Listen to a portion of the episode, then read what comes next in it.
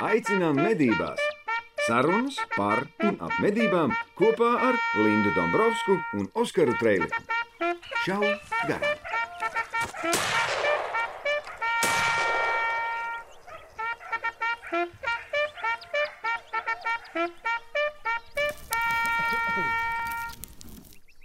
Lai izglītotu jūs, mednieki, šī epizode ir kopā ar Medību saimniecības attīstības fonda atbalstu.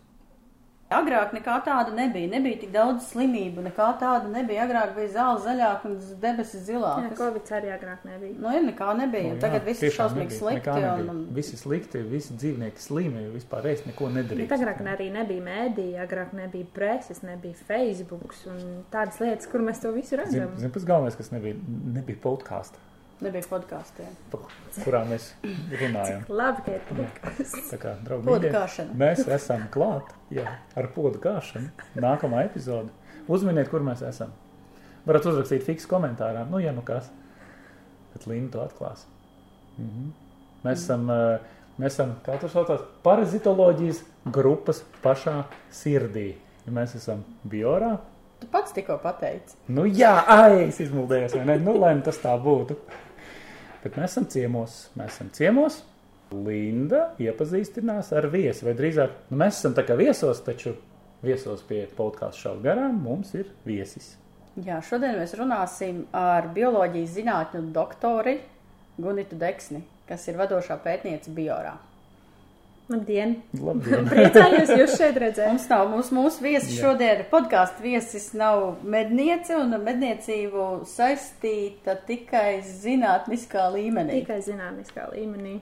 Tikai cerot kaut ko atrast interesantu. Man patīk viss tas, kas ir dzīvniekos iekšā, kas ir tas, tas, tas ko jūs redzat nošaujot. Ok. Okay. Man patīk, ka viņš ir izskalots, smuks un jāredz burciņās. Principā ir tā, tas, kas medniekiem reāli riebjās un rada dažādas konvulsijas noteiktos ķermeņa orgānos. Tad bija ātrāk, ātrāk. Jā, tas man ļoti patīk. Izņemot dzīviem dzīvniekiem. Man patīk beigtiem dzīvniekiem. Nē, nu, tas, ko mēs nomedījam, jā, un to, ko mēs atstājam mežā, norokam vai nodedzinam. Cerams, Utilizējam. kārtīgi norokat. Jā, jā, to mēs darām ļoti kārtīgi. Tad Tas sāksim. ir, Tas ir mums uz galda. tas ir šeit uz galda. Mēs par to parunāsim. Tā, tas, kas mums ir, tie nav makaroni, draugi mīļie, tie nav Jā. makaroni un tās nav, tā nav pasta. Tā nav pārtikas piedāvājums, un šeit šitie nav, šis tās nav jūras veltes. Jā, noteikti, noteikti nē. Tā kā, un tur nav rīsi. Tur Tajā priekšā- pīlē nav Tad ir rīsi. pīlī, nav, pīlītē nav rīsi. Tur ir kaut kas miljoniem, miljoniem maziņš un kustīgs un lentiņi bērniņi. Vai kaut kas tam līdzīgs? Nē, kas ir sarkocistoze? Sarkocistos ir vienšūņi. Tie ir Vienšūņi. mazi vienas šūnas organismi, un tur viņi ir tā kā sakopojušies ļoti daudz kopā, tāpēc viņi ir ar aci redzami, tad ir balti.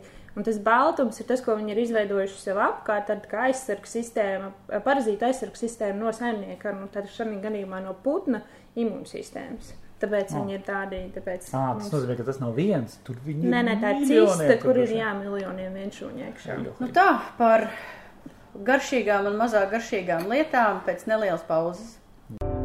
Šā garām jaktei būt! Tas, ko mēs tagad gribam ar pīlēm, kāpēc mēs angurā esam sākuši viņus svākt, jo man ir studenti, kas pētīs pīļu parazītus, un es gribu saprast, cik, cik reāli viņi ir sastopami, jo uzreiz pēc invadēšanās, kad viņi nokļūst muskultūrā, viņi nav tādi balti ar aci redzami. Tie, cik es gribu saprast, Tad es uzreiz sameklēšu vienu bildi, un jautājums ir par to, vai tas ir tas. Jo mums ir Facebook grupa Me- Hunting in Latvijā, kur mēs jums sakām, ļoti daudz Mm, tās tas bildes ir parādās. Ai, jūs tas esat iekļuvuši mednieku grupā. Tā, šeit pat apstiprinājāt. Nē, nu te ir, te ir, te ir svarīgi cilvēki mūsu grupā. Mēs meklējam, jābūt multidisciplinārai. Kas tas ir? Tā ir pīles krūtiņa. Izskatās šādi, un bija jautājums, kas tas varētu būt. Tas varētu būt maziņas sarkocistozītes, vai neko neizsaka.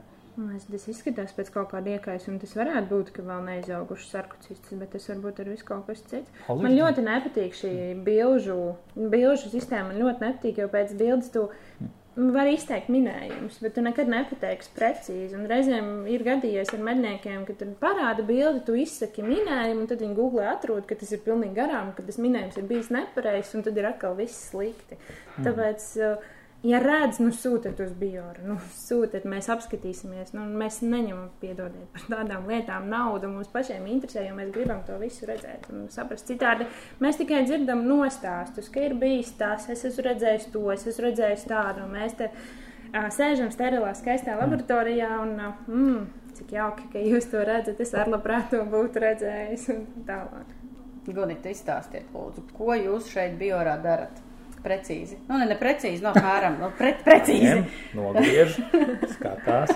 Izmantoju tādu metodu un tādu. Tāda Nu, metode. nē, nē, nē, Nu, nē, plašāk. Nu, tā, lai saprotams uh, mūsu klausītājiem, skatītājiem, kas te vispār notiek un kāpēc ir svarīga tā zinātne. Bioārparazitoloģijas grupa kā tāda veids ā, dažādus tātad parazitoloģiskos izmeklējumus no pārtikas viedokļa. Tātad mēs izmeklējam ā, uz parazītu klātbūtni pārtikas produktus, galvenokārt gaļu, tas ir galvenokārt trihināls, jo trihināls ir vienīgie parazīti, kuru kontroli nosaka Eiropas Savienības direktīvas un regulas. Mēs šeit arī papildus veicam zivju izmeklējumus uz dažādu patogēnu un arī dzīvnieku parazitoloģiskos izmeklējumus. Tiecīgi skatāmies, vai dzīvniekiem ir vai nav ā, kādas parazītas kā saslimšanas. Ā, Arī bites mēs izmeklējam, tā kā arī bitēm mm. ir savi parazīti. Varbūt esat O, dzirdējuši, ir bijuši caurēji, tad arī tas ir viens no bitēm ierosina caurēji, tātad arī parazītisks vienšūnis. Uh, bet es pēdējo, pati pēdējo trīs gadu laikā šeit Biorā veicu pēcdoktorantūras pētījumu tieši par pārtiks parazitāriem patogēniem, uh, zoonotiskiem patogēniem. Tas nozīmē uh, tādiem parazītiem, kas ir kopīgi dzīvniekam un cilvēkam. Tātad parazīts normāli var dzīvot dzīvniekā, attīstīties, bet ja kaut kādu uh, kaut kādā veidā uzņem to cilvēks, vai nu tā tad apēdot pārtiku, vai ar netīrām rokām, vai iedzerot kontaminētu ūdeni ar parazītiem, tad šis parazīts ir spējīgs arī dzīvot uh, cilvēku. Attiecīgi, šeit strādājot, tāds covid man galīgi nav pārsteigums, jo tādas cilvēkiem un dzīvniekiem kopīgās slimības tas nav nekāds jaunums, un uh, tā vienkārši tā notiek. Tad Covid nav radīts laboratorijā. Nē, nu, Ne. es noteikti neesmu šīs teorijas piekritēji. Nu, jā, jo no tiem dzīvniekiem. Tur tā, tā, tā, es cik es lasījis, tā, tas mehānisms ir ļoti interesants, kā no, piemēram, gripas paveidi no dzīvnieka nokļūst cilvēkā, un tad ir jābūt, ka, piemēram, cūka saslimst ar to struntu un gadās blakām cilvēks, un tas viss pārvēršas, tāpēc, ka cūka ir ļoti līdzīga cilvēku organismam. Bet, piemēram, jūs ko mežā, piemēram, jūs varētu bieži satikt, vai mežā jūs esat redzējuši stirnu, kurai ir caureja? Jā, jā. jā, jā, jā. Caureju ierosina, protams, Latvijā nav veikti pētījumi par šo. Mēs esam tikko sākuši un esam uzsākuši lielopos, kā mums, teiksim, tā vieglāk pieejamam. Caureju ierosina parazītiskas patogēnas, pasaulē ir sastopamas vairāk kā 38 sugas, bet viena no šīm sugām ir mm, universāls. Mm. Ja viņai ir vienalga, vai viņa dzīvo dzīvniekos, vai viņa dzīvo uh, cilvēkā. Attiecīgi, ja jūs satiekat mežā šo potenciāli invadēto stirnu, kurai ir potenciāli šī kriptosporīdija, kas ir tātad viens šāds patogēns, ja jūs netīšām pieskaraties ar plikām rokām, ko jūs bieži pieskaraties noteikti dzīvnieku līķiem ar plikām rokām, ne īsti kārtīgi nomazgājat. Pēc tam vai nu pieskaraties pārtikas produktam, vai nu noslaukat muti. Ļoti liela iespēja, ka jūs tātad paši uzņemat šo uh, invāziju, būtu pareizi teikt. Tātad jūs uzņemat šo invāziju, kas ierosina arī cilvēkiem desmit dienas ūdeņainu caurēju. Mēs stiprie latvieši noteikti neskrienam ar caurēju uzreiz pie ģimenes ārsta un nesūdzamies. Caurēji pati pārēj no sevis, tad nav ārstēšana šim te, šai te slimībai. Viņa ir tā kā pašpārējoša, un jūs nekad neuzzināsiet, ka jūs patiesībā saslimāt ar šo te konkrēto patogēnu, kas nāk no dzīvniekiem. Nu ko? Lādē iekšā! Labi, viss pēc kārtas. Sāksim ar kaut ko pavisam pierastu zināmu par trihinelozi. Cik tas ir liels biets? Vēl piedāvājumi to, ka jūs biorā esat konstatējuši, ka trihinelozi ir arī Bebros. bebriem, un neviens netic. Man pat prasīja, lai es sūtot kaut kādus zinātniskus pētījumus, kas to apliecina. Un šeit mēs varam pajautāt uzreiz biorā. Tas tā ir. Tad ieiet Google, ierakstiet segliņa Beaver, Trihinella, un jums izmetīs uh, Latvijā, pierakstu. Latvijā Jā, jā. veiktu pētījumu par bebriem. Mēs pieliksim Pieliksim aprakstā saiti. Jā, es varu arī jums iedot tādu pašu publikāciju.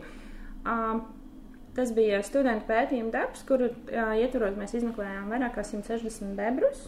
Un vienā no tiem konstatējām, protams, tas izklausās maz. Bet, ja mēs, piemēram, salīdzinām, ka Latvijā uh, visas nokautās maiscūkas, kas ir vēl tiek lietotas uzturā, tiek izmeklētas uz šo patogēnu, un neviena nav konstatēta pozitīva, Un tad mēs paņemam 160 bebrus un konstatējam pozitīvu gadījumu. Tad nu, tas, tā prevalence ir uh, ievērojami augstāka. E, protams, Eiropas likumdošanās bebrs nav minēts, jo nav daudz tādu valstu Eiropā, kur šis bebrs tiek lietots uzturā.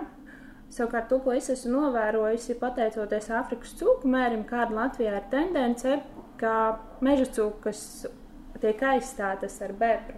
Ir arī daudzi medījumu apstrādes uzņēmumi, interesējušies par to, ka nu, tagad tās meža cūkas nav ko medīt, tad vai mēs varam aizstāt ar bebru. Tā kā nu, pārtikā sākt ar vien vairāk arī oficiāli pieņemt bebru gaļu un likt pārtikas produktos iekšā. Un tad es arī es Eiropas līmenī prasīju, ko darīt, jo teorētiski nu, mēs saprotam, nu, kādā, kādā sakarā, lai bebrs būtu trihinēlis saimnieks. Viņš neatgaļ. Tad arī tajā pašā publikācijā mēs esam minējuši potenciālos uh, teiksim, invāzijas avotus bebram, kāds varēja būt noticis. Tātad vai nu viņš ir um, au, graužot kokus kaut ko, uzgrauzis kādu puvušu līķi, piemēram, jo trihinēls saglabājas arī puvušos līķos. Otrs uh, veids ir, tā kā jūs noteikti man pie, piekritīsiet, ka bebrs ir ļoti agresīvs dzīvnieks. Tam var piekrist, jā. Ir daudz gadījumu dzirdēt arī mums tepat Latvijā, ka bebrs no kanāla skrien tantiņai virsū un tantiņu Daugavpilī pat uzbruka. Es meklēju tās Valmierā arī ir bija tāds, Triknāls bija šis maz, mazāks. Šitas mazākais. Nu, lūk, un attiecīgi tā kā lapsās mums trihinēla populācija ir 70%. Tātad lapsas ir ļoti indētas, ienucuņos ir 40%, vilki ir 100%, gandrīz vai Lūši? 80%. Lūši. Vilki un lūši 80 līdz 100%. Ja. Uh, Šitien ir miljoniem trihinelos. Caunas ir ā, 80%. Tad reāli savvaļā mežā mums viņas ir. Un pa- kāpēc es sāku par to visu pieminēt? Jo ir dzirdēti gadījumi, kad lapsas mēģina ielīst bebru alās, un iespējams bebrs kā agresīvs dzīvnieks ir sargājis savu alu un ā, teiksim, tā izgrauzis viņai kādu gabaliņu. tā kā caurumu. Nu, jau caurumu. Jā, paskatieties, ko tajā Google ierakstot, atkal man patīk Google izmantot, jo tas ir cilvēkiem saprotama valoda. Manuprāt, ierakstiet Google, cik uh, bebri uh, bieži ir uzbrukuši cilvēkiem. Un tādus skatus redzēsiet, tā kā es reāli tam pat ticu, ka tāds bebrs varētu aizsargājoties lapsē kādu caurumu izgraust, un tā kā lapsas mums ir diezgan pozitīvas, nu, taksim, bieži kā tas varētu būt viens no veidiem. Ir runājot par trihinelozi, uh, ir valstis, es zinu, kur meža cūku gaļa ir jānodod pārbaudēm. Latvijā šis pasākums ir brīvprātīgs, un daudzi mednieki sūdzas par to, ka ir nomedīti, piemēram, pieci pērnie sivēni. Un Cik maksā tas pārbaudē?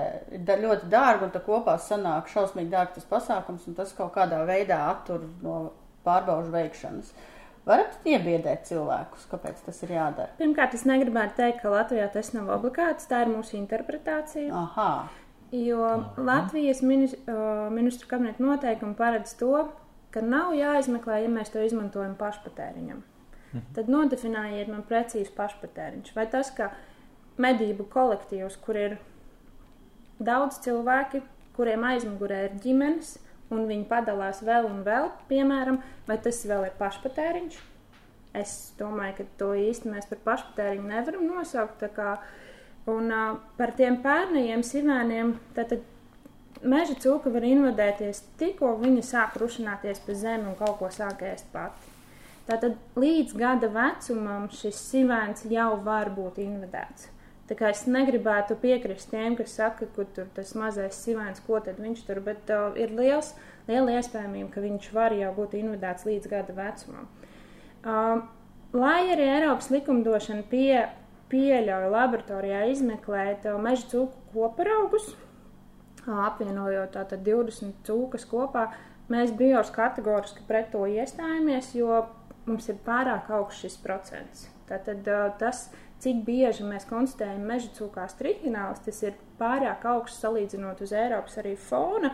Tas ir, tas, tātad, tas ir iemesls, kāpēc es vienkārši neuzdrošinos to darīt.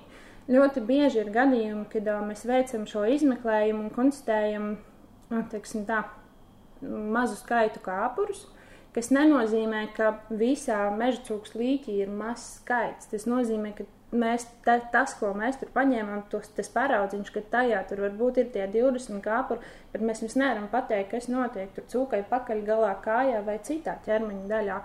Attiecīgi, jo mēs samazināsim šo izmeklējumu paraudziņu apjomu, jo lielāka iespēja, ka mēs jums dosim nepatiesu negatīvu rezultātu. Attiecīgi, nu, es labāk izvēlos. Uh, bieži vien teiksim, tā pastrīdēties ar medniekiem, ka labāk izmeklēsim individuāli un dosim tiešām jums zināmu atbildi un patiesu atbildi, nekā tomēr riskēsim ar cilvēku veselību. Cik bieži slimo Latvijā? uh, Latvijā cilvēku saslimšanas gadījumu skaits ir mazs, bet uz Eiropas fonda tas nav mazs. Tie ir aptuveni vidēji ap desmit gadījumiem gadā. Un kas notiek? Kāpēc nav forši apēst trihineložu? Pārīti un pēc tam. Trihinā kāpuru pārīt.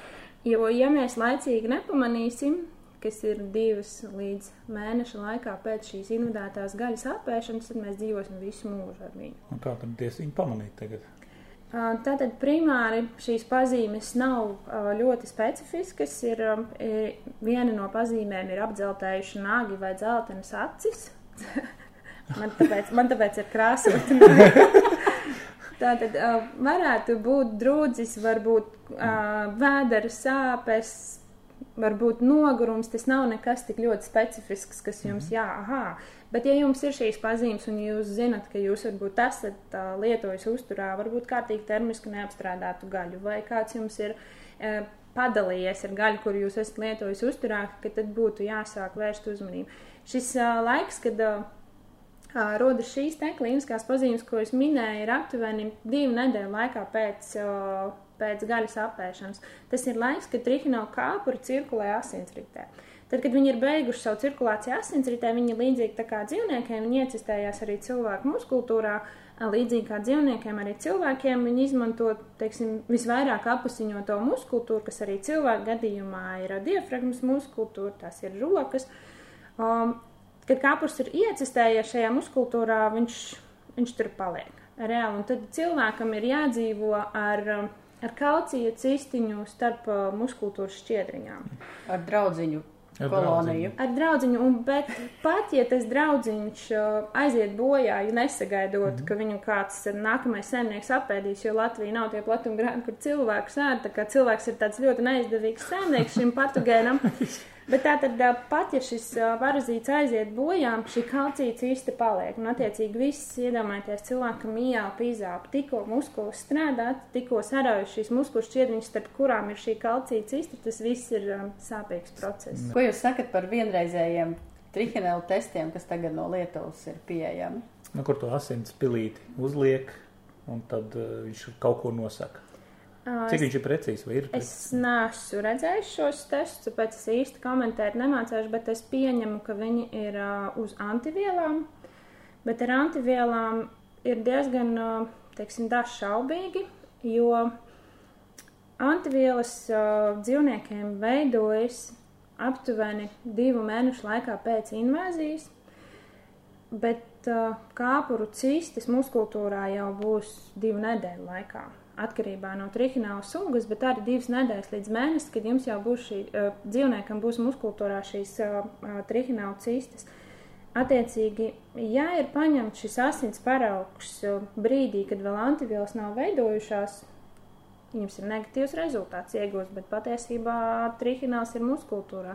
Jā, tā, tas var, procents sarūk bišķiņi. Tāpat var būt dažādas cross reakcijas, tad, tad uh, ja ir ar citu invāziju. Meža cūkām ir ļoti bieži arī Latvijas pētījumos ir pierādīts, ka ir sastopams šīs toksoplazmas muskultūrā, ar ko ir ļoti bieži novērota šī krosa reakcija trihinēlām un, un, un, un toksoplazmām. Kā... Kas ir šis toksoplazma? Toksoplazma tas ir Tokso- vēl viens vienšūns, kuru mēs ar aci neredzam, bet uh, viņš ir. Nu tā, man liekas, Tā. par trihinelozu mēs varētu runāt vēl nedēļu, bet mums vēl ir azotē iebāztas sarkocistas, ehinokoki Es, protams, vēl gribēju šo to pajautāt par bet, nu, fasciolopsis un vēl viss kaut Mēs kas. varam norganizēt. Mēs varam norganizēt mītni. Bet ne, varbūt tās noslēdzot. Pašu pēdējo, pašu pēdējo. Jā, Varbūt daudziem jā. arī jauniem medniekiem tas interesē. Apstrādāja termiski šo te gaļu. Kā ir jāapstrādā? Kā, kā būtu tas pareizā tā recepte? Nu, ja nu pēkšņi kas, un, un vai konserva ir droši? Nu tā, uzreiz komplektā jautājums. Sākam uzreiz ar šo Sākam jautājumu. uzreiz ar šo.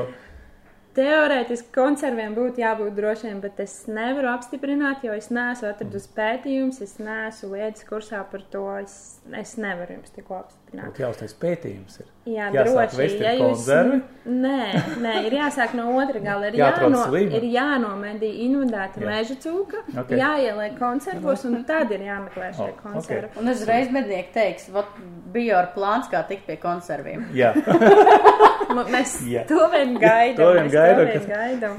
konservs. Bet ir gadījumi, kad mēs esam jau gatavās uh, desās konstatējuši trihināls, kur ir meža cūkas gaļa ielikt, tā kā viņas tur ir. Bet um, tātad par to temperatūru. Teorētiski tie ir 80 grādi, ko trihināli nespēja izturēt. Cik ilgā periodā? Bet Bet tie Bet. 80 grādi ir uz šo te kāpuru, kuram vairs nav kalcīcijas apkārt, kuram vairs Aha. nav muskultūra apkārt. 80 grādi ir tas, kas nogalinās šo te, bet jūs paši labi ziniet, ka um, gaļa slikti vada siltumu. Mhm. Attiecīgi līdz tam tās gaļas vidū, jo lielāks gaļas Gan gabals, jo jo mazāk iespēja, ka gaļas gabala vidūcītī būs tie 80 Nu, labi. grādi. A, Kas ir ar to kalciju cistu? To kalciju cīstē ir vēl super. Tas ir, tas ir, nu, tās ir bruņas. Tās Un- ir un- bruņas. Un tur vajag citu temperatūru, lai tas izsist Nu, cauri. vairāk. Bet kā olu uzvārīt, viņi vienkārši kārtīgi, nu, tur 100 grādos. un Nē, tas attiecīgi ņemiet vērā, tad ir jābūt ar vien lielākai temperatūrai, lai tiktu cauri Mhm. gaļai, lai tiktu cauri tai kalciju cīstē, lai nogalinātu Tātad drošībā esot. mazi gabaliņi. Ma, pēc, jā, arī Eiropas likumdošanas raksts 4x4 centimetri gabaliņi. Maļām, lai- tur kotletes sautējums stundām. Labāk pārbaudīt. Labāk pārbaudīt, un, ja ir pozitīvs rezultāts, labāk nelietot Nelietot, tādu nu, tas ir uzturā un neizbarot suņiem. Ne, nu, man kā parazitologam, protams, ir ļoti patīkami to dzirdēt, ka trihināls attīstības cikls tiek nodrošināts, ja tiek izbarot šī slimā gaļa citiem, bet uh, tas nav no pārtikas drošības Pastāv viedokļa. viedoklis, un veterinārs ārsti ir teikuši arī, ka suns to trihinēlu nevarot īsti dabūt, jo viņam esot baigājis skuņģa sulu un vēl kaut kas. To man pat ir teikuši. Tad nes, kāpēc lapsas un jenatsuņi ir tik ļoti invadēti. To es nevaru pateikt, bet man viens, viens pat slavens doktors to ir teicis. Viņi klīniski neslimo, bet Ā. mūsu kultūrā viņiem var būt. Protams, atkal nav veikts Latvijā, konkrēti pētījums ir daži suņi un ir pat atrasti pozitīvi gadījumi no patvērsmes suņiem, bet uh, viņi klīniski ļoti reti, kad slimo. Tāpat tās mums tas pats uh, lapsu gadījums ir bijis, kad uh, tāda lapsa orālās uh, trakumsērgas vakcinācijas programmas ietvaros nomedīta, uh, atvesta uz biora. Mēs papildus arī izmeklējām trihinālus. Pēc izskata tā, nu, smuka lapsa, viss kārtībā, ne viņa tur slima vai kāda. Un uh, vienā gramā gaļas viņai bija vairāk kā 5000 kāpuri. Viens visai- grams gaļas tas ir maziņš Tas gabaliņš. nozīmē, ka lapsa sastāv no trihinēla. Trihinēlainā lapsa, jā. Nu, ko, par, par citām lietām, kas ir lapsās un Jā. citos zvēros pēc pauzītes. Nu ko, pārlādējam! Nākamais pieturpunkts ir kaut kāds absolūts jaunums, kas ir reāli mednieki sāk par to runāt pēdējos trīs, gadu laikā. Pīles ar īsa graudiņiem krūtiņās. Un tagad jau mēs runājām tieši nomedīto .org kontekstā ar zinātnieci Antru Stīpnieci par to, ka reāli mainās mednieku rīcība. Nomedīja pīli un pirmais, ko dara, ir plēš vaļā un skatās. Kas ir sarkocistoze? Kāpēc pēkšņi uzradusies un ko ar to visu darīt? Es ļoti brīnos, ka jūs sakat jaunums. Mednieki to pamana pamanījuši pēdējā laikā. Jā. Tad, Jā, uh, tas ir nu, Jo varbūt relatīvi Facebook pie jaunāks. vaina ir Facebook. Jā, pie vai- vaina noteikti ir ā, sociālie mēdīji, kas ir pēkšņi parādījuši, jo tas galīgi nav jaunums, tas nav nekas neparasts, tas nav nekas tikko ienācis. Tas ir, man liekas, sarkocistus putniem ir kopš es sevi atceros uh, ar parazītiem ņemoties. Tas, tas, tas Mm. ir. Nu, No, no. Zini, kā būs? Agrāk tikai plucināja, nevis dīrāja. Tagad dīrās Tad, tikai. kad, tad, kad uh, vienkārši noplucina āda virsū, neviens nepamanā, liek Jā. dzēruškrāsnī un Jā. cep. Jā, jā. Tagad viss dīrās, griezīs vaļā un, Un sūtīs uz bioru. un sūtīs uz bioru. Jā, ja gadījumā kaut ko atradīs, protams. Arī to, ka neatradīs. Tātad tas sarkocistis ir uh, vienšūņi. Uh, Latvijā nav veikta pētījuma, attiecīgi mēs nezinām to sarkocistu sugu sastāvu. Uh, bet uh, pīlēs esošās sarkocistis nav patogēnas cilvēkiem. Teorētiski uh, var lietot uzturā šādu gaļu, bet, protams, droši vien ir higiēnas apsvērumu dēļ, droši vien negribas neko tādu vairs uh, Nu, kad tu likt zini, tad tā kā. Nu, Bet nekādā gadījumā nedrīkst izbarot suņiem. Es saku, atkal, ka man kā parazitologam tas ir ļoti labi, jo jūs nodrošināt attīstības ciklu. Jo nākamais šī patogēna saimnieks ir suns, kuram ierosina caurēju. Ar šo caurēju ārējā vidē atkal, suņu caurēju ārējā vidē nonāk atkal jaunas uh, sarkocistu teiksim, tā, attīstības stadijas, kuras tālāk nokļūst atpakaļ putnos. Tad attīstības cikls ir tāds no pu- putnu uz suni, no suņu uz putnu. Pat ne jau tikai suns. šīm te uh, putnu, tām ir suns. Suns, suņu dzimtes dzīvnieki. Nu, Tātad, labs, suņi zina, Jānos, labs, jā, arī, jā, jā. jā, Nē. suņu dzimtes dzīvnieki. Īsāk sakot, labsas visu ļaunumu cēlonis. O, Un jā. jā, ne. Bet Jā. viņi ir normāli. Tā ir, jā. tā ir bioloģiskā daudzveidība. Tas Oh. ir bioloģiskās daudzveidības cēlonis. tā ir bioloģiskā Tā ir daudzveidība. bioloģiskā daudzveidība. Protams, iedomājieties, cik mēs vēl neesam šo putnu atvēruši, bet man ļoti interesē, cik daudz vēl parazītus mēs konstatēsim šajā putnā. Piemēram, pīlēs nāsīs. Es nezinu, vai jūs esat Pīlē skatījušies pīlē nāsīs. Jā, šeit deguna dobumos ā, ā, var parazitēt trematodas salīdzinoši lielas, kuras, ja nokļūst tālāk ūdenī, gliemezī un tā tālāk, cilvēkiem iz, ierosina peldētāju niezi. Esat par tādu slimību dzirdējuši? Es dzirdēju no jūsu kolēģis Zanas Ozoliņas. Jā, tā, tad, tā ir tāda slimība. Vien, tas gan, to gan es gribētu teikt, ka tas pēdējos gados arvien vairāk o, par to sāk runāt, un arī veselības inspekcijā arvien vairāk cilvēku griežas ar tādu, kas ir saskārušies. Tātad saldūdens ūdenī, mhm. uzturoties pietiekoši ilgu laiku, ir brīvi peldoši šīs tremtos attīstības stadija, tā saucamie cerkārī, kas ieurbis cilvēkam cauri ādai. Rada tādas kājās pārsvarā, rada tādas tā kā mazas pumpiņas, bet Aha. Parazīts iekļūst to cilvēkā, konstatē, ka tas nav īstais saimnieks. Viņš iet Viņu prom? meklē pīli. Ne, viņš neiet prom, viņš nevar iziet. Viņam ir tikai virziens iekšā. Viņš vienkārši aiziet bojā. Un, attiecīgi, tādi jūtīgāki, alerģiskāki cilvēki, viņiem Tas eh, attīstās specifiskas tādas Aha. alerģiskas reakcijas, nies, kas divu, trīs dienu laikā Tas pārējās. nozīmē, ka tās nav tās zilāģis vai kas tur Jā, tās nav zilāģis. Tas, eh, tas ir tas paralēli vēl viena. Tas pārsvarā mēs vainojam, ā, droši vien tur aļģu ziedēšanu Nu jā, vai nu, kas, tas- bet tad pasties tīrs, smuks ūdens, un tur patiesībā nekas nav. Nu, un es sāku kasīties. Jā, uzreiz Mēs no tikai sākam, jā. Bet es sapratu no jums, Gunita, ka tā sarkacistoza nav tikai pīlēs. Jā, jā, tas ir tas, ko es gribēju. Tas, tas provokatīvais jautājums, kāpēc Jā. par sarkocistām jūs uztraucaties tikai pīlēs. Atbildi mēs viņus tur redzam. Ja, viņas tur ir nu, salīdzinoši liels, kā jūs minējāt, rīsa graudiņa izmērs, balts, redzamas cistas, par ko mums būtu jāuztraucās, tās ir meža cūkas. Meža cūku gaļā arī var būt sarkocistis, un par nelaimi cilvēkam arī cilvēkiem patogēnus sugas. Pat šitā. Nebieži sastopamas, bet uh, var būt. Uh, kāpēc mēs neuztraucamies par meža cūkām, ja mēs viņus tur neredzam? Viņas tur ir mikroskopiskas, uh, specifiski veicot apstrādi. Nē, viņas tur neveido, jo tās ir pavisam citas sugas. Aha. Tad nav tikai vienas sugas. ir- Tad vizuāli Nē, mēs viņu nemaz nepamanīsim. Nē, jūs pat, pat nesagrauzīsiet, nepamanīsiet, nesasmaržosiet un nekā savādāk. Kas cilvēkam no tā rodās? Um, cūkās, tāda tā suga, kas ir cūkās, cilvēkam var radīt divas problēmas.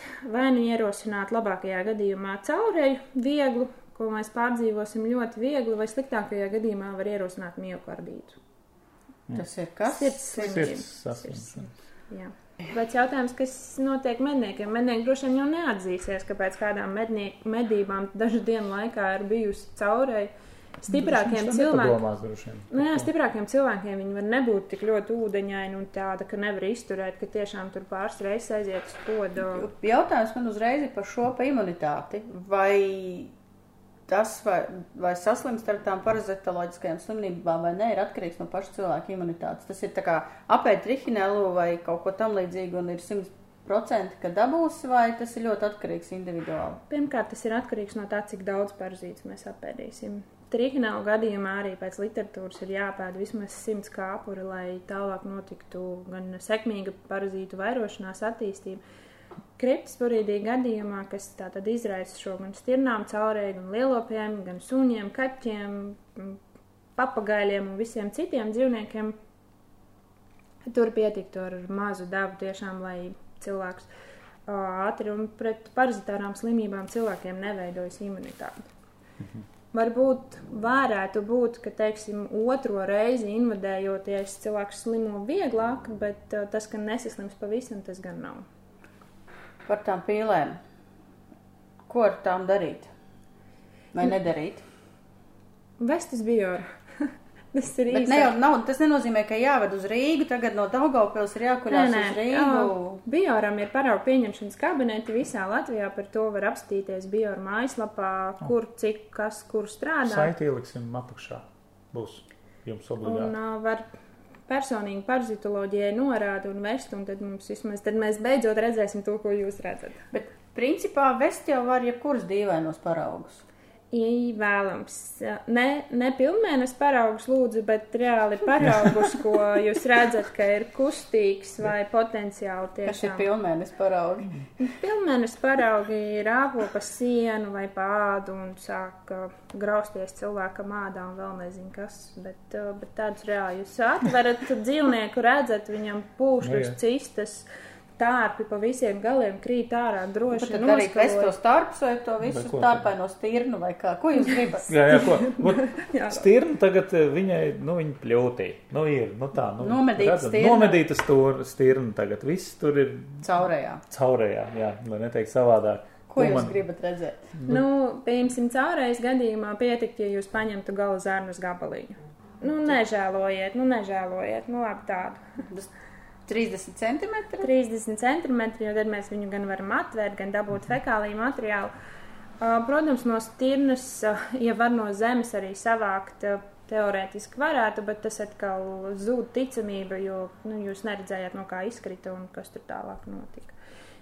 Trīkinālu vai pieņemsim um, pēdējā laikā stirnām tie tārpi zem ādas ir parādījušies bieži, tad arī labāk nevis zvanīt, prasīt, kas tas tāds ir, bet, un arī nefotografēt. Ja? Tas arī man ir arī liels iebildums pret fotografijām, jo fotografijā jūs nofotografējat no, viena, no vienas puses, bet mēs neredzam, mums viņš ir jāapskatās mikroskopā, mums ir reāli jādabū tas objekts, lai kārtīgi noteiktu, kas tas tāds ir, jo citādi mēs varam izteikt tikai minējumus, un ne jūs, ne mēs būsiet laimīgi ar tiem minējumiem. Tāpēc visu, ko jūs redzat, spirtā vai tīrā ūdenī un uz bioru. Sasaldētu? Var arī saldētu, jā. Nu, jau Bet savādāk. nepūstoši, lab, lab, vēlams nepūstoši. Nu, jā, vienkārši tāpēc, ka nomedīja, piemēram, sestdienā vai piekdienas vakarā, Jā. tad uh, ko ar to visu darīt? Vai nu saldēt, vai nu, ja pieņemsim, mēs gribam atskalot, nu, un nav spirts tūmā, tad var tīrā ūdenī un leduskapī, vai Šnaubis arī, jau ir, jebkurā veikalā.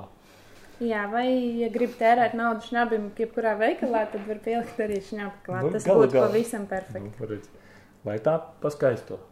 Bet noteikti klāt arī informācija. Man neinteresē cilvēka vārds, uzvārds, kurš nomedīja. Interesē, Bet- kas tur ir iekšā. No, No, kā, no dzīvnieka? kā, kurā vietā Vietā. Latvijā, kas tas par orgānu. Ja tam cilvēkam pašam interesē, tad, protams, viņam ir jāatsavs, jāatstāj savas koordinācijas, lai mēs viņam varam aizsūtīt atpakaļ, kas tas tāds bija un ko varbūt darīt vai nedarīt.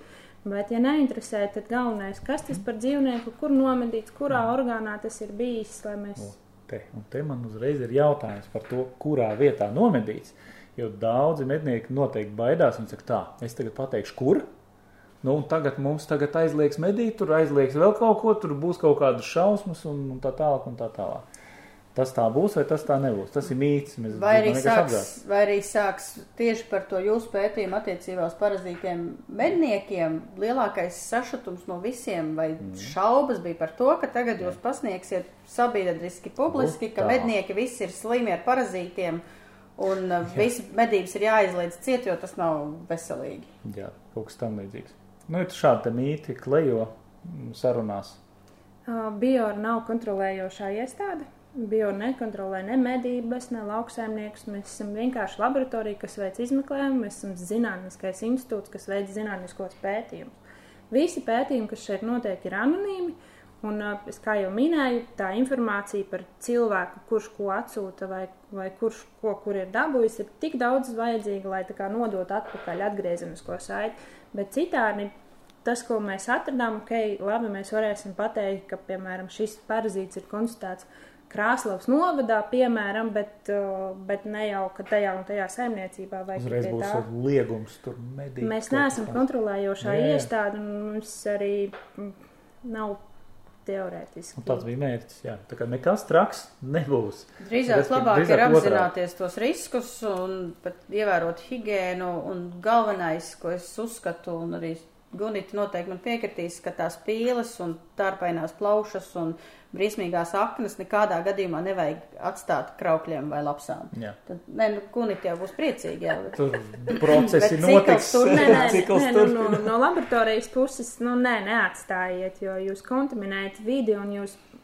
paši ar šādām rīcībām radat to, ka šie parazīti paliek ar vien vairāk un vairāk. Un tad pašiem vien būs par to jāsūdz. Tas, tas arī savā ziņā nozīmē to, ka mazliet ir jāmaina domāšana, tur neko nevar darīt. Mm, Ir gan tas ir ļoti liels uzsvers jāliek uz to, lai, lai izglītotu cilvēkus, lai skaidrotu situācijas un nevis lai iebiedētu, ka tagad viss ir slikti, bet skaidrot situāciju, kā es minēju, tā parazītu klātbūtne dzīvniekos, tā ir normāla bioloģiskā daudzveidība. Un Mēs dzīvojam savvaļā, mēs esam cilvēks dzīvnieku populācijā, teiksim tā, mums ir jāņem vērā, ar ko mēs kopā dzīvojam. Un tad, zinot šos aspektus, mēs varam izvērtēt, ko darīt, cik ļoti iz, izvairīties no tā, kā lietot, uzturēt šo gaļu, ja mēs viņu gribam lietot. Mēs viņu varam utilizēt, ja negribam lietot. Bet apzinoties šos riskus, mēs paši sevi pasargājam. Nu, un pie viena arī atgādināšu, ka šī epizode top sadarbībā ar Medību saimniecības attīstības fondu, kura viens no uzdevumiem ir Oskar. Izglītot medniekus. Tieši jūs, kas mūs klausās. Par vēl dažām briesmīgām lietām un tiem makaroniem, kas mums uz galda stāv pēc pauzītes. Jā. Šā garām jaktei būt. Jūs minējāt, ka tātad pa visu Latviju ir daudz pieņemšanas punktu, kur var nodot šos te paraugus. Kā mums vajadzētu rīkoties un, un kādas, labi, sekām neprasīšu. Viss būs kārtībā, sekas nav nekādas. Vienkārši atnāciet un nododiet. Un kā to visu noformēt vai kā, teiksim, Tātad, kas, jā, um, kas būtu jādara? Institūta bija ar mājaslapā atradīsiet uh, atsevišķu sadaļu, kur ir minēti visi paraugu pieņemšanas kabineti, Jā. viņu adreses, viņu darba laiki, jo visi pieņemšanas kabineti nestrādā varbūt katru dienu, nestrādā no, 5, no 8 līdz 5, tur ir konkrēti laiki, uh, kā viņi strādā. Jebkurā Latvijas punktā nododot paraugu, viņš atnāk uz Rīgu šeit uz mūsu uh, laboratoriju. Ja jūs gribat oficiālu izmeklējumu rezultātu, jums ir nepieciešams šis oficiālais paraugs, tad, protams, tas ir maksas pakalpojums atbilstoši biocenrādim.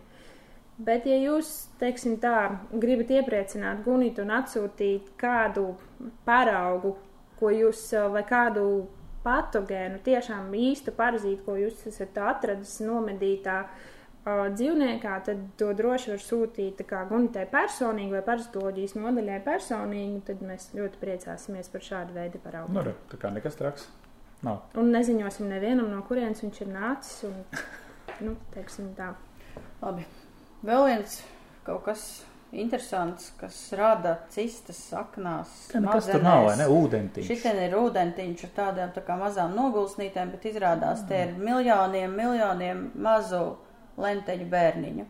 Lentiņu galviņas, jā. Lenteņu Lenteņu galviņas. galviņas. Jūs esat Lenteņu griezuši galvi- galviņas no lenteņiem, tur likuši. Vai kā? Tas, Tātad kas tas ir ir? lentiņu galviņas. Jā, šī Te ir pieaudzis lentenis, kura ir, izmērs ir 3 līdz 4 mm. Šis Mm. lentenis ir tas, kurš droši vien lauž stereotipus par to, kas ir lentenis. Jo, ja es jums jautātu, kā, kur, kas ir lentenis, Rekur, Lentenis. šitas jā, bet makarons. ir arī, jā, tātad parasti parast mēs iedomājamies kaut ko Nu, garu, kaut ko garu, lielu, platu, tur lielu, spiežās pa zarnām ārā. Jā, bet uh, ehinokoks tā tad ir uh, lentenis, kas dzīvo suņu dzimtes dzīvniekiem, tātad mājas sunim, lapsām, jēnucuņiem. Zarnās tā pieauguša izmērs sasniedz 3 līdz 5 mm. Tad viņš ir ļoti maziņš, bet tad, kad viņš nonāk starp saimniekos, tad šeit mums ir burciņa ar izgrieztu aknas gabalu, kurā ir iekšā cista. Cilvēkiem, ja šis nonāk aknās, tad cistas diametrs var sasniegt līdz pat 50 centimetriem. Aknā. Aknā pildīt ar šķidrumu, un tas Ai. šķidrums ir pilns ar šiem te mazajiem jauniem, kā es teicu, miljonus uh, jaunu Galviņām. lenteņu galviņu. Un ja šādu vienu cistu mēs atdosim tālāk savam sunim, tad sunim zarnās būs tūkstošiem miljoniem jauni šādi te. Pat tiešām parazīti. 50 centimetri, 50 mm. 50 cm diametrā. Ja jūs paskatīsieties atkal Google tādas uh, trakākās, ir sagramotās košlenes. Tas nav- ir cistis, jau tās smukas pašas cistis izņemtas ārā. Tas ir pats tā kā cistis aplauciņa izmērs. Šis konkrētais ir saspaidīts. izņemts no mājas cūkas. Un tā kā mēs viņu atradām mājas cūkā, man ir ļoti lielas aizdomas, ka meža cūkās menīgi arī viņas redz. Tad, tad ā, šis cistis būtu, viņas nebūtu uz āru tā kā no aknas, bet viņas ir kā iegulušās iekšā, bet, nu, var redzēt tādus baltumiņus. Jūs jau redz, noteikti redzat, ka nav vesela akna, ka tur kaut kas apakšā ir iekšā. Nevajadzētu griezt viņu uz vietas, ja jūs redzat, ka ir kaut kāda cista, noteikti nevajadzētu mēģināt ar, ar, ar sagriezt ar nazi, jo tad tas viss izlīs ārā un jūs piekontaminēsiet visu apkārtni Piesārņosiet. Piesārņosim, piesārņosim visu Droši. apkārtni. Jā. Šī stadija konkrētā tātad šīs meža cūkas akna nav patogēna cilvēkam. Šī Mm. stadija viņam na- tātad cilvēkam nav patogēna. Tas nozīmē, nav kaitīgi. Ja? Jā, Nu, nav tā kaitīgi. var- Tātad cilvēks nesaslims, ja Jā. viņš pieskarsies Jā, jā, šai Ok. cistai vai apēdīs gabaliņu vai kā savādāk, bet saslims suns. Un, ja būs saslims suns, tad uh, suns ārējā vidē ar fekālijām izdalīs šī parazīta olu attīstību stadiju, un tā gan ir cilvēkam patogēna. Bet tā ir tā kā arī pēdējā laikā arvien vairāk raksta un stāsta, ka patiesībā diezgan liela sērga ne tikai Eiropā un citās valstīs, bet arī uz Latvijas tas ir. Latvijā vidē mēs konstatējam, ka cilvēkiem ir uh, līdz uh, desmit cilvēku saslimšanas gadījumiem. Uh, presē, nu jau, man liekas, reizi gadā mēs dzirdam, īpaši televīzijā ir dzirdēti tādi uh, smagākie gadījumi, kas ir beigušies ar ķirurģiskām iejaukšanās, ar ķirurģisku iejaukšanos, tātad, kad ir veiktas jau operācijas, izgriežot daļu vai visu orgānu cilvēkam, kas sākotnēji tika uzskatīts kā audzējs, eh, kā aknu audzējs, bet gala rezultātā veido, uh, gala Pilns ar rezultātā šitiem. Pilns ar šitiem. pilns ar nu, tādiem, tādiem, tādiem, rekur, te tā cista ir. Jā, Šī tāda ir maza vēl. Tā ir maza. Šī ir maza. To jau nevar tā nepamanīt, godīgi sakot. Šitā, Uh, Tā sliktā ziņa cilvēkam ir tā, ka cilvēks var ar šo patogēnu, mm, ar šo slimību, parazītu būt investējies uh, desmit gadus atpakaļ, un šobrīd vēl joprojām nejust nekādas klīniskās pazīmes. un Reāli, tad, tad uh, kopš investēšanās brīža līdz brīdim, kad cilvēkam parādās klīniskās pazīmes, var paiet ļoti, ļoti ilgs laiks. Attiecīgi, ja sākotnēji tas ir bijis maziņš rīsa graudiņš aknās, varbūt aizdomas par um, žulcakmeni vai ko citu, kas rezultātā aug, aug, aug lielāks. Un, uh, Kā viņi tur vairojās? Ar galviņu, ar galviņu vai kāpēc viņi paliek lielāki? Tas ievišķo galviņu. uh, tā ir ehinokoka uh, cistas attīstības tāda specifika, ka, no, uh, ka šīs jaunās galviņas veidojas no cistas sieniņas. Viņas tā kā izaug un atdalās un atkrīt. Un tad tur tas šķidrums ir pilns ar brīvām galviņām. Šausmu filmu. Interesanti. Es saprotu, ka interesanti. Man arī tas viss paliek interesantāk. Un tas, tas, piemēram, lentenis tāds klasisks, jūs teicāt, tas no zivs ir, jā. Šitas, jā? Tas ir. Man Jā. kaut kā Rauda. pēdējā laikā patiesībā arī negribās ēst jēlus, lasi un suši. Es labāk izvēlos karstos suši, kur lasis ir izcepts. Šis ir no saldūdens zivs konkrētais uh, Latvijā. Rauda. Ja Latvijā salīdzinoši bieži sastopams, viņš lokalizējas zivī ķermeņa dobumā, tātad ne muskultūrā iekšā, mm. ne zarnās iekšā, bet tad viņš padara tādu to zivi, tādu resnu piepūstu vēderu. Liekas, uh, kādas noķēra foršu zīme. Ar rasnu vēderu diez vai ja viņa jau izskatīsies patoloģiski Nu jā, apaļa. nu jā, Un, jā. ā, Šis ā, ir viens no parazītiem, kas pierāda, cik parazīti, lai arī viņiem nav smadzenes, cik viņi ir gudri radījumi. Jo šī parazīta nākamais saimnieks, kurā viņam jānokļūst, ir ā, zivjādāja putns. Attiecīgi iedomājieties tādu ļoti resnu zivi, kāda viņi ir. Vai viņi ir spējīgi manevrēt, Nu, nē.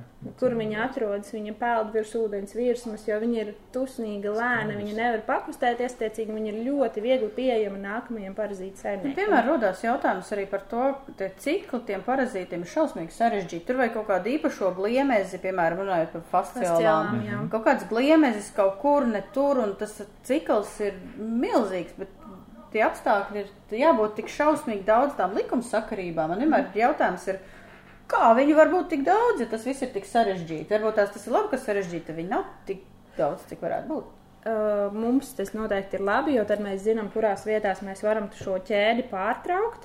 Uh, bet parazīti, lai ar to tiktu galā, viņiem ir ļoti augsta produktivitāte. Tad reprodukcija tas nozīmē, ka viņi ļoti, ļoti liela skaita, kā piemēram šur tur redzēt. Tas, tas ir šķidrums no vienas cistes. Tur ir viena ciste, bet rezultātā, ja šī ciste plīst, uh, ja viņu kāds apēd, tad rezultātā no tā izaugs tūkstošiem jaunu parazītu. Tad no viena īpatņa mēs dabūsim jaunus tūkstošus. Uh, piemēram, cilvēkiem lenteņi, kas var būt no, no lielopiem vai cūkām, šiem lenteņiem produktivitāte ir 700 tūkstoši olas dienā. Jā, Dievs. Tad iedomājieties, viens Šausmas. cilvēks, kurš neizmanto tolti, bet aiziet, piemēram, pļavā eh, pa savām lielajām darīšanām, tad viņš atstāja tur jau ļoti, ļoti daudz parazītu materiālu. Kolosāli. Man, man, man liekas, ka tagad daudz mednieku skries pie ārsta taisīs ultrasonogrāfiju, skatīsies, vai raknā viss kārtībā. Bet ultrasonogrāfija ir ieteicams reizi gadā veikt. Uztaisīt, Īpaši, ja jūs zinat, ka jums potenciāli var pastāvēt šāds risks, tad kāpēc to nenovērst laicīgi un tiešām reizi gadā pārbaudīt iekšējos orgānus un jau laicīgi. Jo kamēr šī ciste ir maziņa, mēs viņu varam izārstēt ar specifiskiem preparātiem, mums nav nepieciešama ķirurģiska iejaukšanās. Nu ko? Lādē iekšā! Labi, ko ar to ehinokoku tagad darīt? Kādi ieteikumi? Ko darīt, ko nedarīt? Ko jums vest? Ko jums, ko jums atvest? Mums Ieraudzījām. Labi. Neviens jau negribēs tagad ķerties klāt pie šitā vēlu. Tur uz Jūs varat ķerties klāt, kā jau es teicu, nedodat suņiem šī stadija, kas Ah. ir aknās, nav Šī nav patogēna. Okay.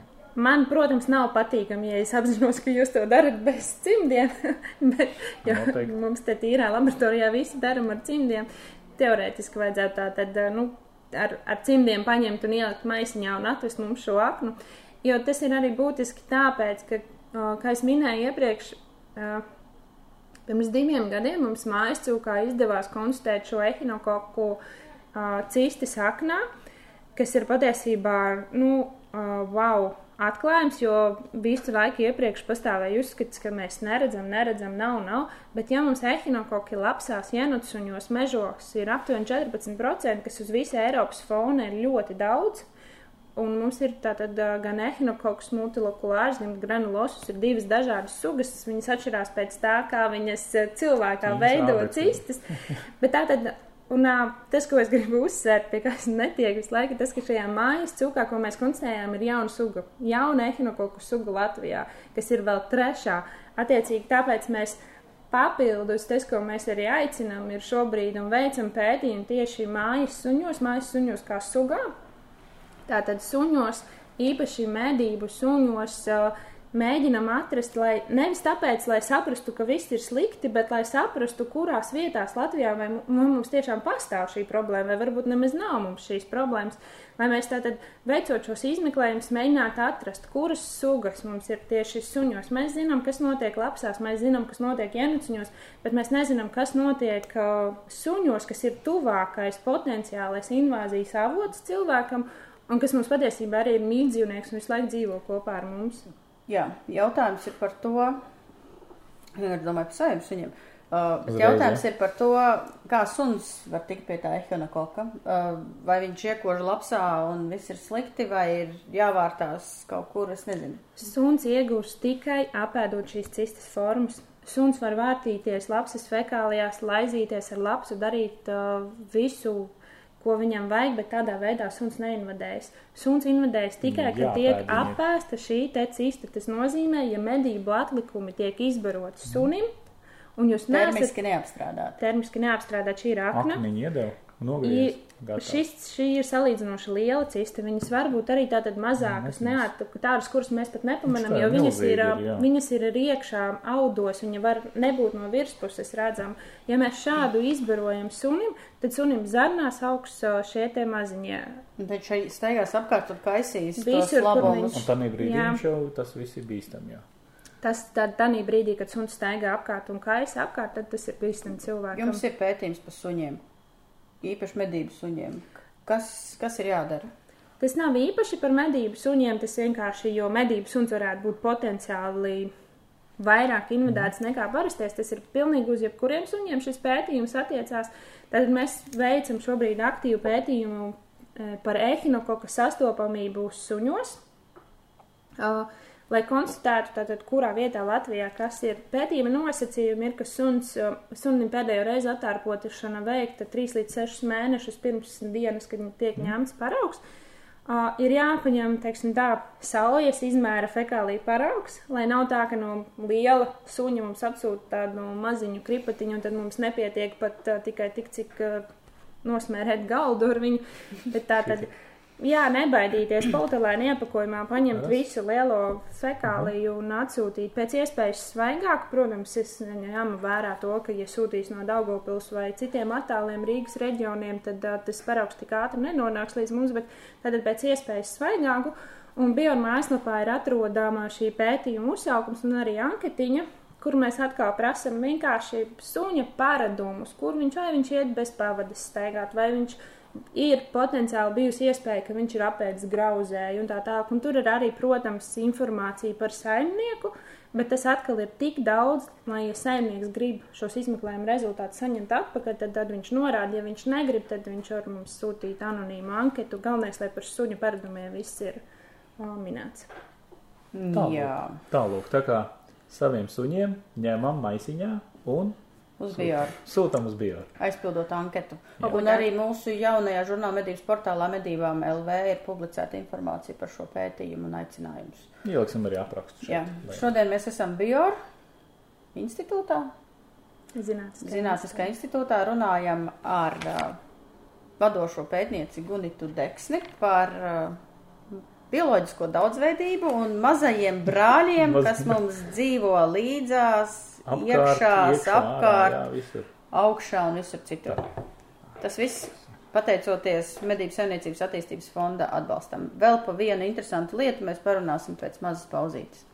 Nu ko, pārlādējam!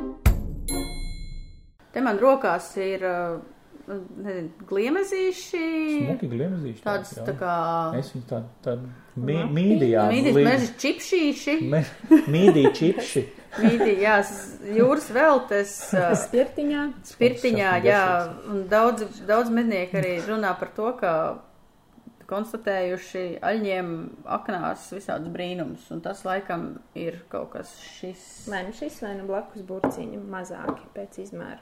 Jā. arī tā kā Tie tie paši. Tie tie paši. Tā jā. ir cita Tā suga. ir cita suga, bet Līdzīgas tās ir trematodas, abas tās ir trematodas, attīstības cikli ir salīdzinoši līdzīgas.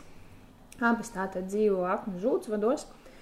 Uh, šīs konkrētās stadijas gan fasciolai, fascioli ir cilvēkiem patogēna suga, bet, uh, kā jau mēs iepriekš runājām par tiem parazītu interesētajiem, sarežģītajiem attīstības cikliem, tad šī konkrētā attīstības stadija, to, ko mēs redzam uh, dzīvniekiem reāli aknās, nav cilvēkam patogēna, bet mēs varētu būt teiksim, šo aknu vietā. Tātad, ja tās būtu mūsu aknas, tad arī mums cilvēkiem aknās šādi izveidoties. Lai cilvēks invadētos ar fasciolu, Es parasti stāstu tādu uzburu ainiņu, kā tas varētu notikt. Iedomājieties Latviju, Latgalī, Zilu ezeru zemi, kur ir daudz gan ganības, piemēram, lielopu ganības, pļāva, ko mēs darām saulainā laikā, atpūšamies pie ūdens, un ko mēs darām gara laika, sākam, piemēram, graust zāli. Uz šiem te augiem, ūdens Aha. augiem ir šī te uh, trematodas attīstības stadija, kura ir potenciāli patogēna cilvēkam. Ja mēs to apēdīsim, tad mums uh, aknās arī veidosies šādi izaugs, šādas trematodas. Cik ir konstatēta Latvijā, ir vai nav vispār? Um, fascieloza nav ziņojumā slimība, attiecīgi par šo slimību netiek uh, uzkrāta informācija. Nu, kā ārstēt vai ko, vai nāvējoši, nē, vienkārši tu dzīvo šitādu parazītu un dzīvo. Ar trematodēm. Ar trematodēm. Pilnā apmērā. Tas ir stilīgi. Klausi, man ir savs mūzika un trematods dzīvo līdz mūzikas Jā. ritmā. La, la, Dzer spirtu un mēģina viņus nu, noteikti cilvēkiem veidojas dažādas aknu saslimšanas problēmas, jo tomēr tiek aizdambēti aknu žūts vai ar šiem parazītiem tiecīgi ārstēšana jāpielieto. Bet uh, es nemācēšu komentēt, kā tiek diagnosticēta un cik bieži tiek diagnosticēta, jo Šī nav, kā jūs minējāt, nav ziņojumā slimība, attiecīgi nav tādas informācijas, vai cik un cik daudz ir šīs. Jā. Tā, kas bija šis? Mēs varam paturpināt. Šitā, šitā izskatās tāda maz matiņa tāda, es nezinu, pēc tam tādas. Nu, tā kā vistas zupa ar makaronu. Zupa ar makaronu. Ma, ķīniešu nūdeles, kaut kādi roltoni smalkie. Jā, jā, smalkie roltoni. Smalkie, tur bija biezie. Tie biezie roltoniņi, jā, šitie smalkie roltoniņi. Tās esot stirnām, jā, tie mazie. Jā, stirniem, briežiem, briežiem, plaušās, tie ir plaušu tārpi kas īpaši rudens sezonā mēs varētu, kā jau minēju, varētu minēt, eh, varētu redzēt eh, pa mežu staigājumu klepojošu stirnu vai alni, tad mm. mums būtu aizdoms, ka viņam plaušās ir eh, šie te nemetodas. Cilvēkam nav patogēns, bet var ierosināt pietiekoši nopietnu saslimšanas dzīvniekiem. Tad ir jautājums, ja ir klepojoša stirna, ļautiņai staigāt, vai tā būtu jāizņem no populācijas? Nu, viņa staigā ar parazītu. Viņa katru reizi atstājot savus fekālijas mežā, atstāja arī parazītus. Aha. Nākamie nāk apošņā aplaiza, nākamās stienas apošņā aplaiza un dabūna savu jaunu stēru. Parazīti gudri ir. Viņi zina, kur ielīst un kā iziet. Jo, jo runājot, jo, runājot par stienām, šogad vai nu mednieki ir kļuvuši daudz selektīvāki, nu tā kā mediji sliktāk trofeju individus, vai tā ziema ir bijusi traka, bet ir šausmīgi daudz mm. mazo āzīšu ar ļoti maziem tādiem kropliem radziņiem, un es divus tādus nomedīju, un es labošos nākamreiz, es tādu nomedīšu, un tur būs, ir, bija pilns ar visādiem štruntiem, un es viņus sadedzināju. Tāpēc, ka, Linda, Linda, ja es nepatīju, es vēl nebiju ar Gunitu parunājusi, bet, bet tur ir varētu, tur ir korelācija kaut kādā veidā. Ziemas, labāk apstākļi. Siltākas ziemas parazīti neaiziet ziemā bojā, nav sniega sagas, zem kuras atkal viss saglabātos, tā kā iekonservētos, nav šīs biezās sniega sagas, tiecīgi, viss daudz labāk izdzīvo. Aha, ziemā tad viņi aiziet bojā daudz parazītu. Kā tur ļoti ir? Ļoti augstās ziemās, ne tādās, kādas mums pēdējos gados ir bijušas. Un augstā temperatūra, nu, attiecīgi iet bojā. Mēs viņus vāram tur, jā. cepam. Jā. Nu jā, jo man bija tik šausmīgi okay. blakus līdzās vienā vietā nomedīt divi āzīši, vienam šitādi radziņi, otram tādi radziņi, tas lielākiem radziņiem vēl jūnijā nebija ziemas kažoku nomainījis, un tā kā es beidzot tik viņam klāt, tad uh, plaušas bija reāli pielipušas pie krūšu kurvja. Viņas nevarēja nosdabūt. Aknes ar kaut kādiem līdzīgiem šitādiem kaut kādiem staipēknīšiem. Un tas, mēs nolēmām to, nu, kā parasti tumsā steigā un viss mm. nolēma sadedzināt to iekšas un gaļu vienkārši uzvārījām, uzvārīja suņiem atdevu. Tāpēc jūs esat nedaudz privileģētākā stāvoklī, jo jūs to visu redzat reāli dzīvē. Es par šīm lietām daudz zinu no teorijas un uh, tikai tā no stāstiem, ka kāds kaut ko ir redzējis. Bet tad, kad jūs man sākat uzdot konkrētus jautājumus, cik daudz tas ir sastopams, ko mēs ar to darām, es nevaru jums atbildēt, jo mums trūks šīs te sadarbības, atgriezeniskās saites, kas, ka jūs mums tiešām piegādāt šos paraugus, pateikt, jā, redziet, mums ir problēma. Tāpat par sarkucistām, jo, ja, nu, mēs redzam viņas, viņas ir tik vizuāli labi redzama problēma Es jau trīs jums šogad atvedu. Jā, ļoti labi. Mums ir mednieks, kurš mums ļoti aktīvi piegādā. Ļoti labi. Ļoti labi. Mēs, tā kā ziņojam. mēs, jā, mēs tikko būs rezultāti tā. Ne, ir jau vēl viens, eh, vēl viens veids, kādā veidā jūs varat Gunita, nokļūt pie šīs te informācijas. Ja? Mm, Jā, Kļūstot par mednieku. Kļūstot par mednieci. Mēs jums varam pastāstīt, kā to izdarīt, un tad būs vispār. Es uh, pirms diviem gadiem apciemoju vairākus medību kolektīvus. Jāpasaka viņiem liels paldies, ka viņi man ļāva ierasties pirms medībām un noņemt viņiem asinis pirms medībām. Uh, es laikam atturēšos no šī piedāvājuma. Es palikšu šeit, laboratorijā. Un, Un mēs un komunicēsim. Jā, un Komunicēsim. Šito komunicēt. visu klausoties šodien, tad rodās tāds jautājums, cik tā gaļa, meža gaļa ir, Ir veselīga vai laba. Kā mēs un- runājam, taču, nu, Un, un tā kā tikko pieminējāt to pētījumu par mednieku asinīm, varbūt kaut kādi secinājumi, vai cik, tad, cik tie mednieki ir slimi un cik tā gaļa ir laba. Nē, nu, pastāv uzskats. Tātad veikalā pirktā tad, pilna ar antibiotikām vēl kaut ko. Un tagad meža gaļa, ko pilna parazītiem zanāk. Vai tas ir slikti? Labi. Tas ir jāskatās, no kuras puses jūs uz to skatāties. No pozitīvās mēs nu, Jā, tātad labāk. mēs zinām, ka meža gaļā mēs varam konstatēt dažādus parazītus. Bet, piemēram, visi šie vienšūņi, ko es minēju, sarkocistus, toksoplazmas, mm. termiski apstrādi viņi aiziet bojā. Trihinālis es okay. negribētu ieteikt termisku apstrādi, ja ir, tad labāk vai nu izmeklējiet, vai nu, ja ir pozitīvs, nu, lūdzu nelietojiet uzturā, neapdraudiet sevi. Bet kā jau mēs sākām šo sarunu ar to, ka, ja mēs apzināmies riskus, mēs varam no viņiem izvairīties. Šā garām jaktei būt. Veselīga gaļa. Tas ir atkal tāds ļoti slīdens jautājums. Ja mēs, pieņemsim, audzējot savus mājas cūkus, mēs varbūt zinām, ko mēs izbarojam, mēs zinām, kādus antibiotikas mēs viņai iedodam, neiedodam. Teorētiski tad mēs varam apzināties. Protams, ieejot veikalā, mums nav rakstīts, kā, eh, kā šis dzīvnieks ir audzēts, bet, uz, eh, bet katrs nokautais dzīvnieks vai katrs dzīvnieks, kurš nonāk tirzniecībā, ir uh, izgājis tā saucamo veterināro ekspertīzi, kur profesionāls ir apstiprinājis, ka šis dzīvnieks vai šī dzīvnieka gaļa ir droša lietošanai uzturā. Par medījumiem dzīvniekiem man šķiet, ka ir bijis grūtāk viņiem izsekot, jo mēs nezinām, ko viņi ir ēduši, mēs nezinām, ar ko viņi ir baroti. Viņi tomēr dzīvo savvaļā, viņi dzīvo vidē, viņi staigā visur. Attiecīgi, vai es laikam neteikšu, ka jā, medījuma gaļa ir noteikti veselīgāka, vai, vai lauksaimniecības produkti ir noteikti veselīgāki, kvalitatīvāki. Tas ir tāds, no kuras puses skatās no parazītu viedokļa. Arī lauksaimniecības dzīvniekiem ir tie paši, piemēram, mājas cūkām var būt pilnīgi tie paši parazīti, kas ir meža cūkām. Tā ir viena un tā pati uh, dzīvnieku ģīns. tā kā Ja svarīgi ir izvēr, Jā. izvērtēt tos riskus, kas medniekiem īsumā būtu jāievēro, jebkurā mirklī ķeroties klāt medījumam dzīvniekam. personīgā higiēna Jā. noteikti. Tas ir kas? Uh, Gumijas cimdi.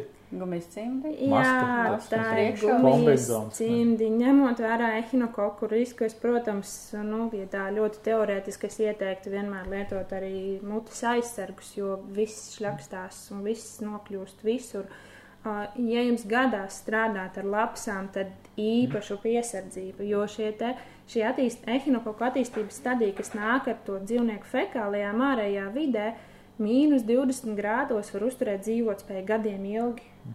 Tā kā viņš ir ļoti, ļoti rezistents. Ja viņa nonāk ārējā vidē, viņa, viņu nekas nevar iz, nogalināt. Laboratorijā mēs viņu galinām divas nedēļas, turot mīnus 80 grādos. Oho. Tā kā, ja jums Kas, kas var notikt, piemēram, dīrājot lapsu? fekālais piesārņojums, tad, tad ja kas, kur ir bijušas, ne acī, bet mutē, vai Mutē var nokļūst uz. Aha, rokas. acī. Piemēram, ehinokokiem Nu, tā veicot ar, ar ehinokokos cilvēkiem veikts riska novērtējuma pētījums, kur mums bija mērķi, riska, nevis riska grupa, bet pētījuma grupa, tātad cilvēki, kuriem ir šī diagnoze, un atlasīti precīzi tādi paši cilvēki, kuriem nav šī diagnoze. Tātad, piemēram, vīrietis 46 gadi dzīvo Liepājā, nodarbojas ar, pieņemsim, biroja darbu, kam ir diagnoze, un tāds pats, kuram nav no tās pašas Liepājas. Un veicot šādu pētījumu, mēs konstatējam, ka riski saslimt cilvēkam nehinokoku ir tātad lauksaimniecība, ja viņš dzīvo ārpus Rīgas lauku teritorijā, Ja mājās ir lauksaimniecības dzīvnieki, ja ir suns, kuram ir brīvi ļauts klaiņot, tad, mēs nezinām, kur viņš iet, ko viņš ēd, un kas jums noteikti nepatiks, bet kā ģimenē ir mednieks. Bet ehinokoks nav tas, ko mēs apēdam ar gaļu. Tāpēc nevajag uztvert, ka tagad medības ir slikti un nenesiet medījumu gaļu mājās. Es domāju, ka šis risks, ka, ka kā ģimenē mednieks, ir tas, ka mednieks kā tāds daudz vairāk uzturās mežā. Nu, nestāstiet man, ka jūs aizejot uz mežu, uzvelkat vienu, apa, vienu apavus, pēc tam mašīnā pārvelkat citus, mājās ir citi. Nu, es pieņemu, ka plus mīnus tie apavi, ar kuriem jūs izteigājat, tas apģērbs ir tas pats, ar ko jūs izteigājat pa mežu, jūs atnākat ar to pašu apģērbu mājās. Un viss šis fekālais piesārņojums, kas var būt, kas ir mežā savākts kaut kur, tas viss ir paliek uz apģērba. Un tādā veidā šis parazīts tiek atnests uz mājām. Un, un tas attiecīgi... notiek, es atnesu to kaku, nolieku uz zemes. Mājās jums ir suns, kurš noniek pienāk apošņā vai, vai savādāk. Ja par ekšinokoku tātad tas nebūs, tas gadījums ekšinokoks ir tādā ziņā, ka izbaro to uh, medījumu atliekas, bet jebkurā gadījumā mēs jebko šādā veidā vienkārši fiziski atnesam uz mājām. Cilvēks un ehinokoks un lapsa, kā tas strādā? Cilvēks ir fekālais piesārņojums no lapsas. Tas ir tikko ir lapsā, lapsu kakas, tā viss tā kontaminācija, tātad piesārņojums, netīras rokas, apģērba, viss, kas nonāk mutē. Ah, oh, skaidrs, jā. Mutē. Es saprotu, Mutē. jā. Tad, tad maska. Īsāk sakot, var vilkt cimdus, bet gar seju negraustīties. Negrābstieties Nu, jā. gar seju. Covid jau mūs ir izmācījis, bija daudz mazgāt uh, rokas, kas arī citu parazītu sakarā ir jāmazgā rokas. Vienkārši Es, jāmazgā. protams, kā parazitologs, tagad bišķiņu uztraucos, kas notiks ar parazītiem, jo ir ļoti daudz parazītu, kurus mēs tiešām apēdam, kad netīrās rokas. Es visiem stāstu, cik rūpīgi ir jāmazgā rokas, un tagad atnāk Covid, un tiešām cilvēki mazgā tās rokas, tad redzēsim, kas notiks. Parazītiem būs slikti. Būs beigas, būs beigas, noteikti beigas. Jūs tiešām mazgājat tik cītīgi rokas. Nu, nu, kā, kā Es normāli. cilvēki. dezinficēju, mazgāju. Man jau, man jau ir iestrādājis refleks, man liekas, visu laiku rokas Ne, netīras. nu, labi, nepārspīlējam, bet, nu, jebkurā gadījumā nu, atnāca no, no ārsta, kurš nomazgā rokas mājās. Nu, Tas ir tāda normāla higiēna, man liekas, ikdienas. Nekas Vai vairāk. es nezinu, es, protams, par šo nevaru komentēt, bet o, cik ļoti izlietnes un ūdens ir pieejamas tur, kur jūs dīrājat, cik tā, tos medīt. Nu, ūdens vienmēr ir. Ūdens, Nu, nu, man liekas, ir visur. Tad vajag arī ziepes un dezinfekcijas līdzekli, lai Jā. visu to ātri nomazgātu. un arvien vairāk, un es zinu, arvien vairāk mednieki izmanto gumijas cimdus. Jo, un pastāvēja šausmīgi tāds arī mīts agrāk, ka, ja tu velc gumijas cimdus, tad tu esi tur tāds, nekāds. ā, nu, smalkais, baltrocītis un vēl kaut kas, bet tas ir vienkārši pašu aizsardzībai. Kaut ne, un ne tikai tas ir arī ērtāk. Tev nav jāmazgā rokas pēc tam. Nu, tā, tev Nē, nav ir visu- jāmazgā Nē, ir jāmazgā, bet vieglāk ir nomazgāt. To es gribēju teikt. Ka Nav tev nav, tu neesi tur asinīs līdz, līdz Nu, man, man arī parasti kabatā ir strādājot ar dzīvnieku, man ir divi cimdi, jo nerad gadās, ka viens saplīst. Nu, kaut kāda kaula šķemba vai nazis vai vēl kaut Jā. kas, un tad Tas ir vienkārši. tīri arī savai drošībai, lai, lai labāk saplīst cimds, nevis saplīst tāda.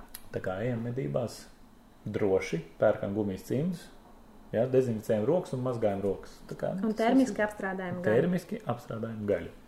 Un, jā. Un, jā, mums Mhm. jābeidz līdzi. Mums jābeidz. Jā, mēs, mēs šodien viesojāmies Bjork Zinātniskā institūtā. Mūsu podkāstu viesis bija vadošā pētniece Gunita Deksne, kura aizraujās ar lietām, par kurām citi cilvēki īsti negrib zināt. Tā ir mūsu paralēlā pasaule. Jā. Cita dimensijas pat teikt. dimensija, jā, Dimensija. paralēlā, nē, pat esošā droši vien. Nu jā, mēs jau. Epizode tapa sadarbībā ar Medību saimniecības attīstības fonda atbalstu, un viens no fonda mērķiem ir mednieku izglītošana. Aicinām, ja jūs mežā medību laikā konstatējat kaut kādas patoloģijas, eh, tārpus, aknas, Jā. cistas, Paņemam paraugus un vedam uz bio, jā, uz uzņemšanas punktiem visā Latvijā. Konkrēti Gunitai Deksnei, Sūtam, rakstam. sūtam. Nu, ko? Vēl kādi se- novēlējumi, domas, kaut ko nepateicāt? Nešaujiet garām, izšaujiet to, ko vajag izšaut, bet uztur, un uzturiet bioloģisko daudzveidību. A mēs savukārt šausim garām. Jā. Jā. Un novēlēsim jums, tā teikt, jaktei būt. Pievelna. Tiekamies nākamreiz! Ņemamies nost. Masts beidzies.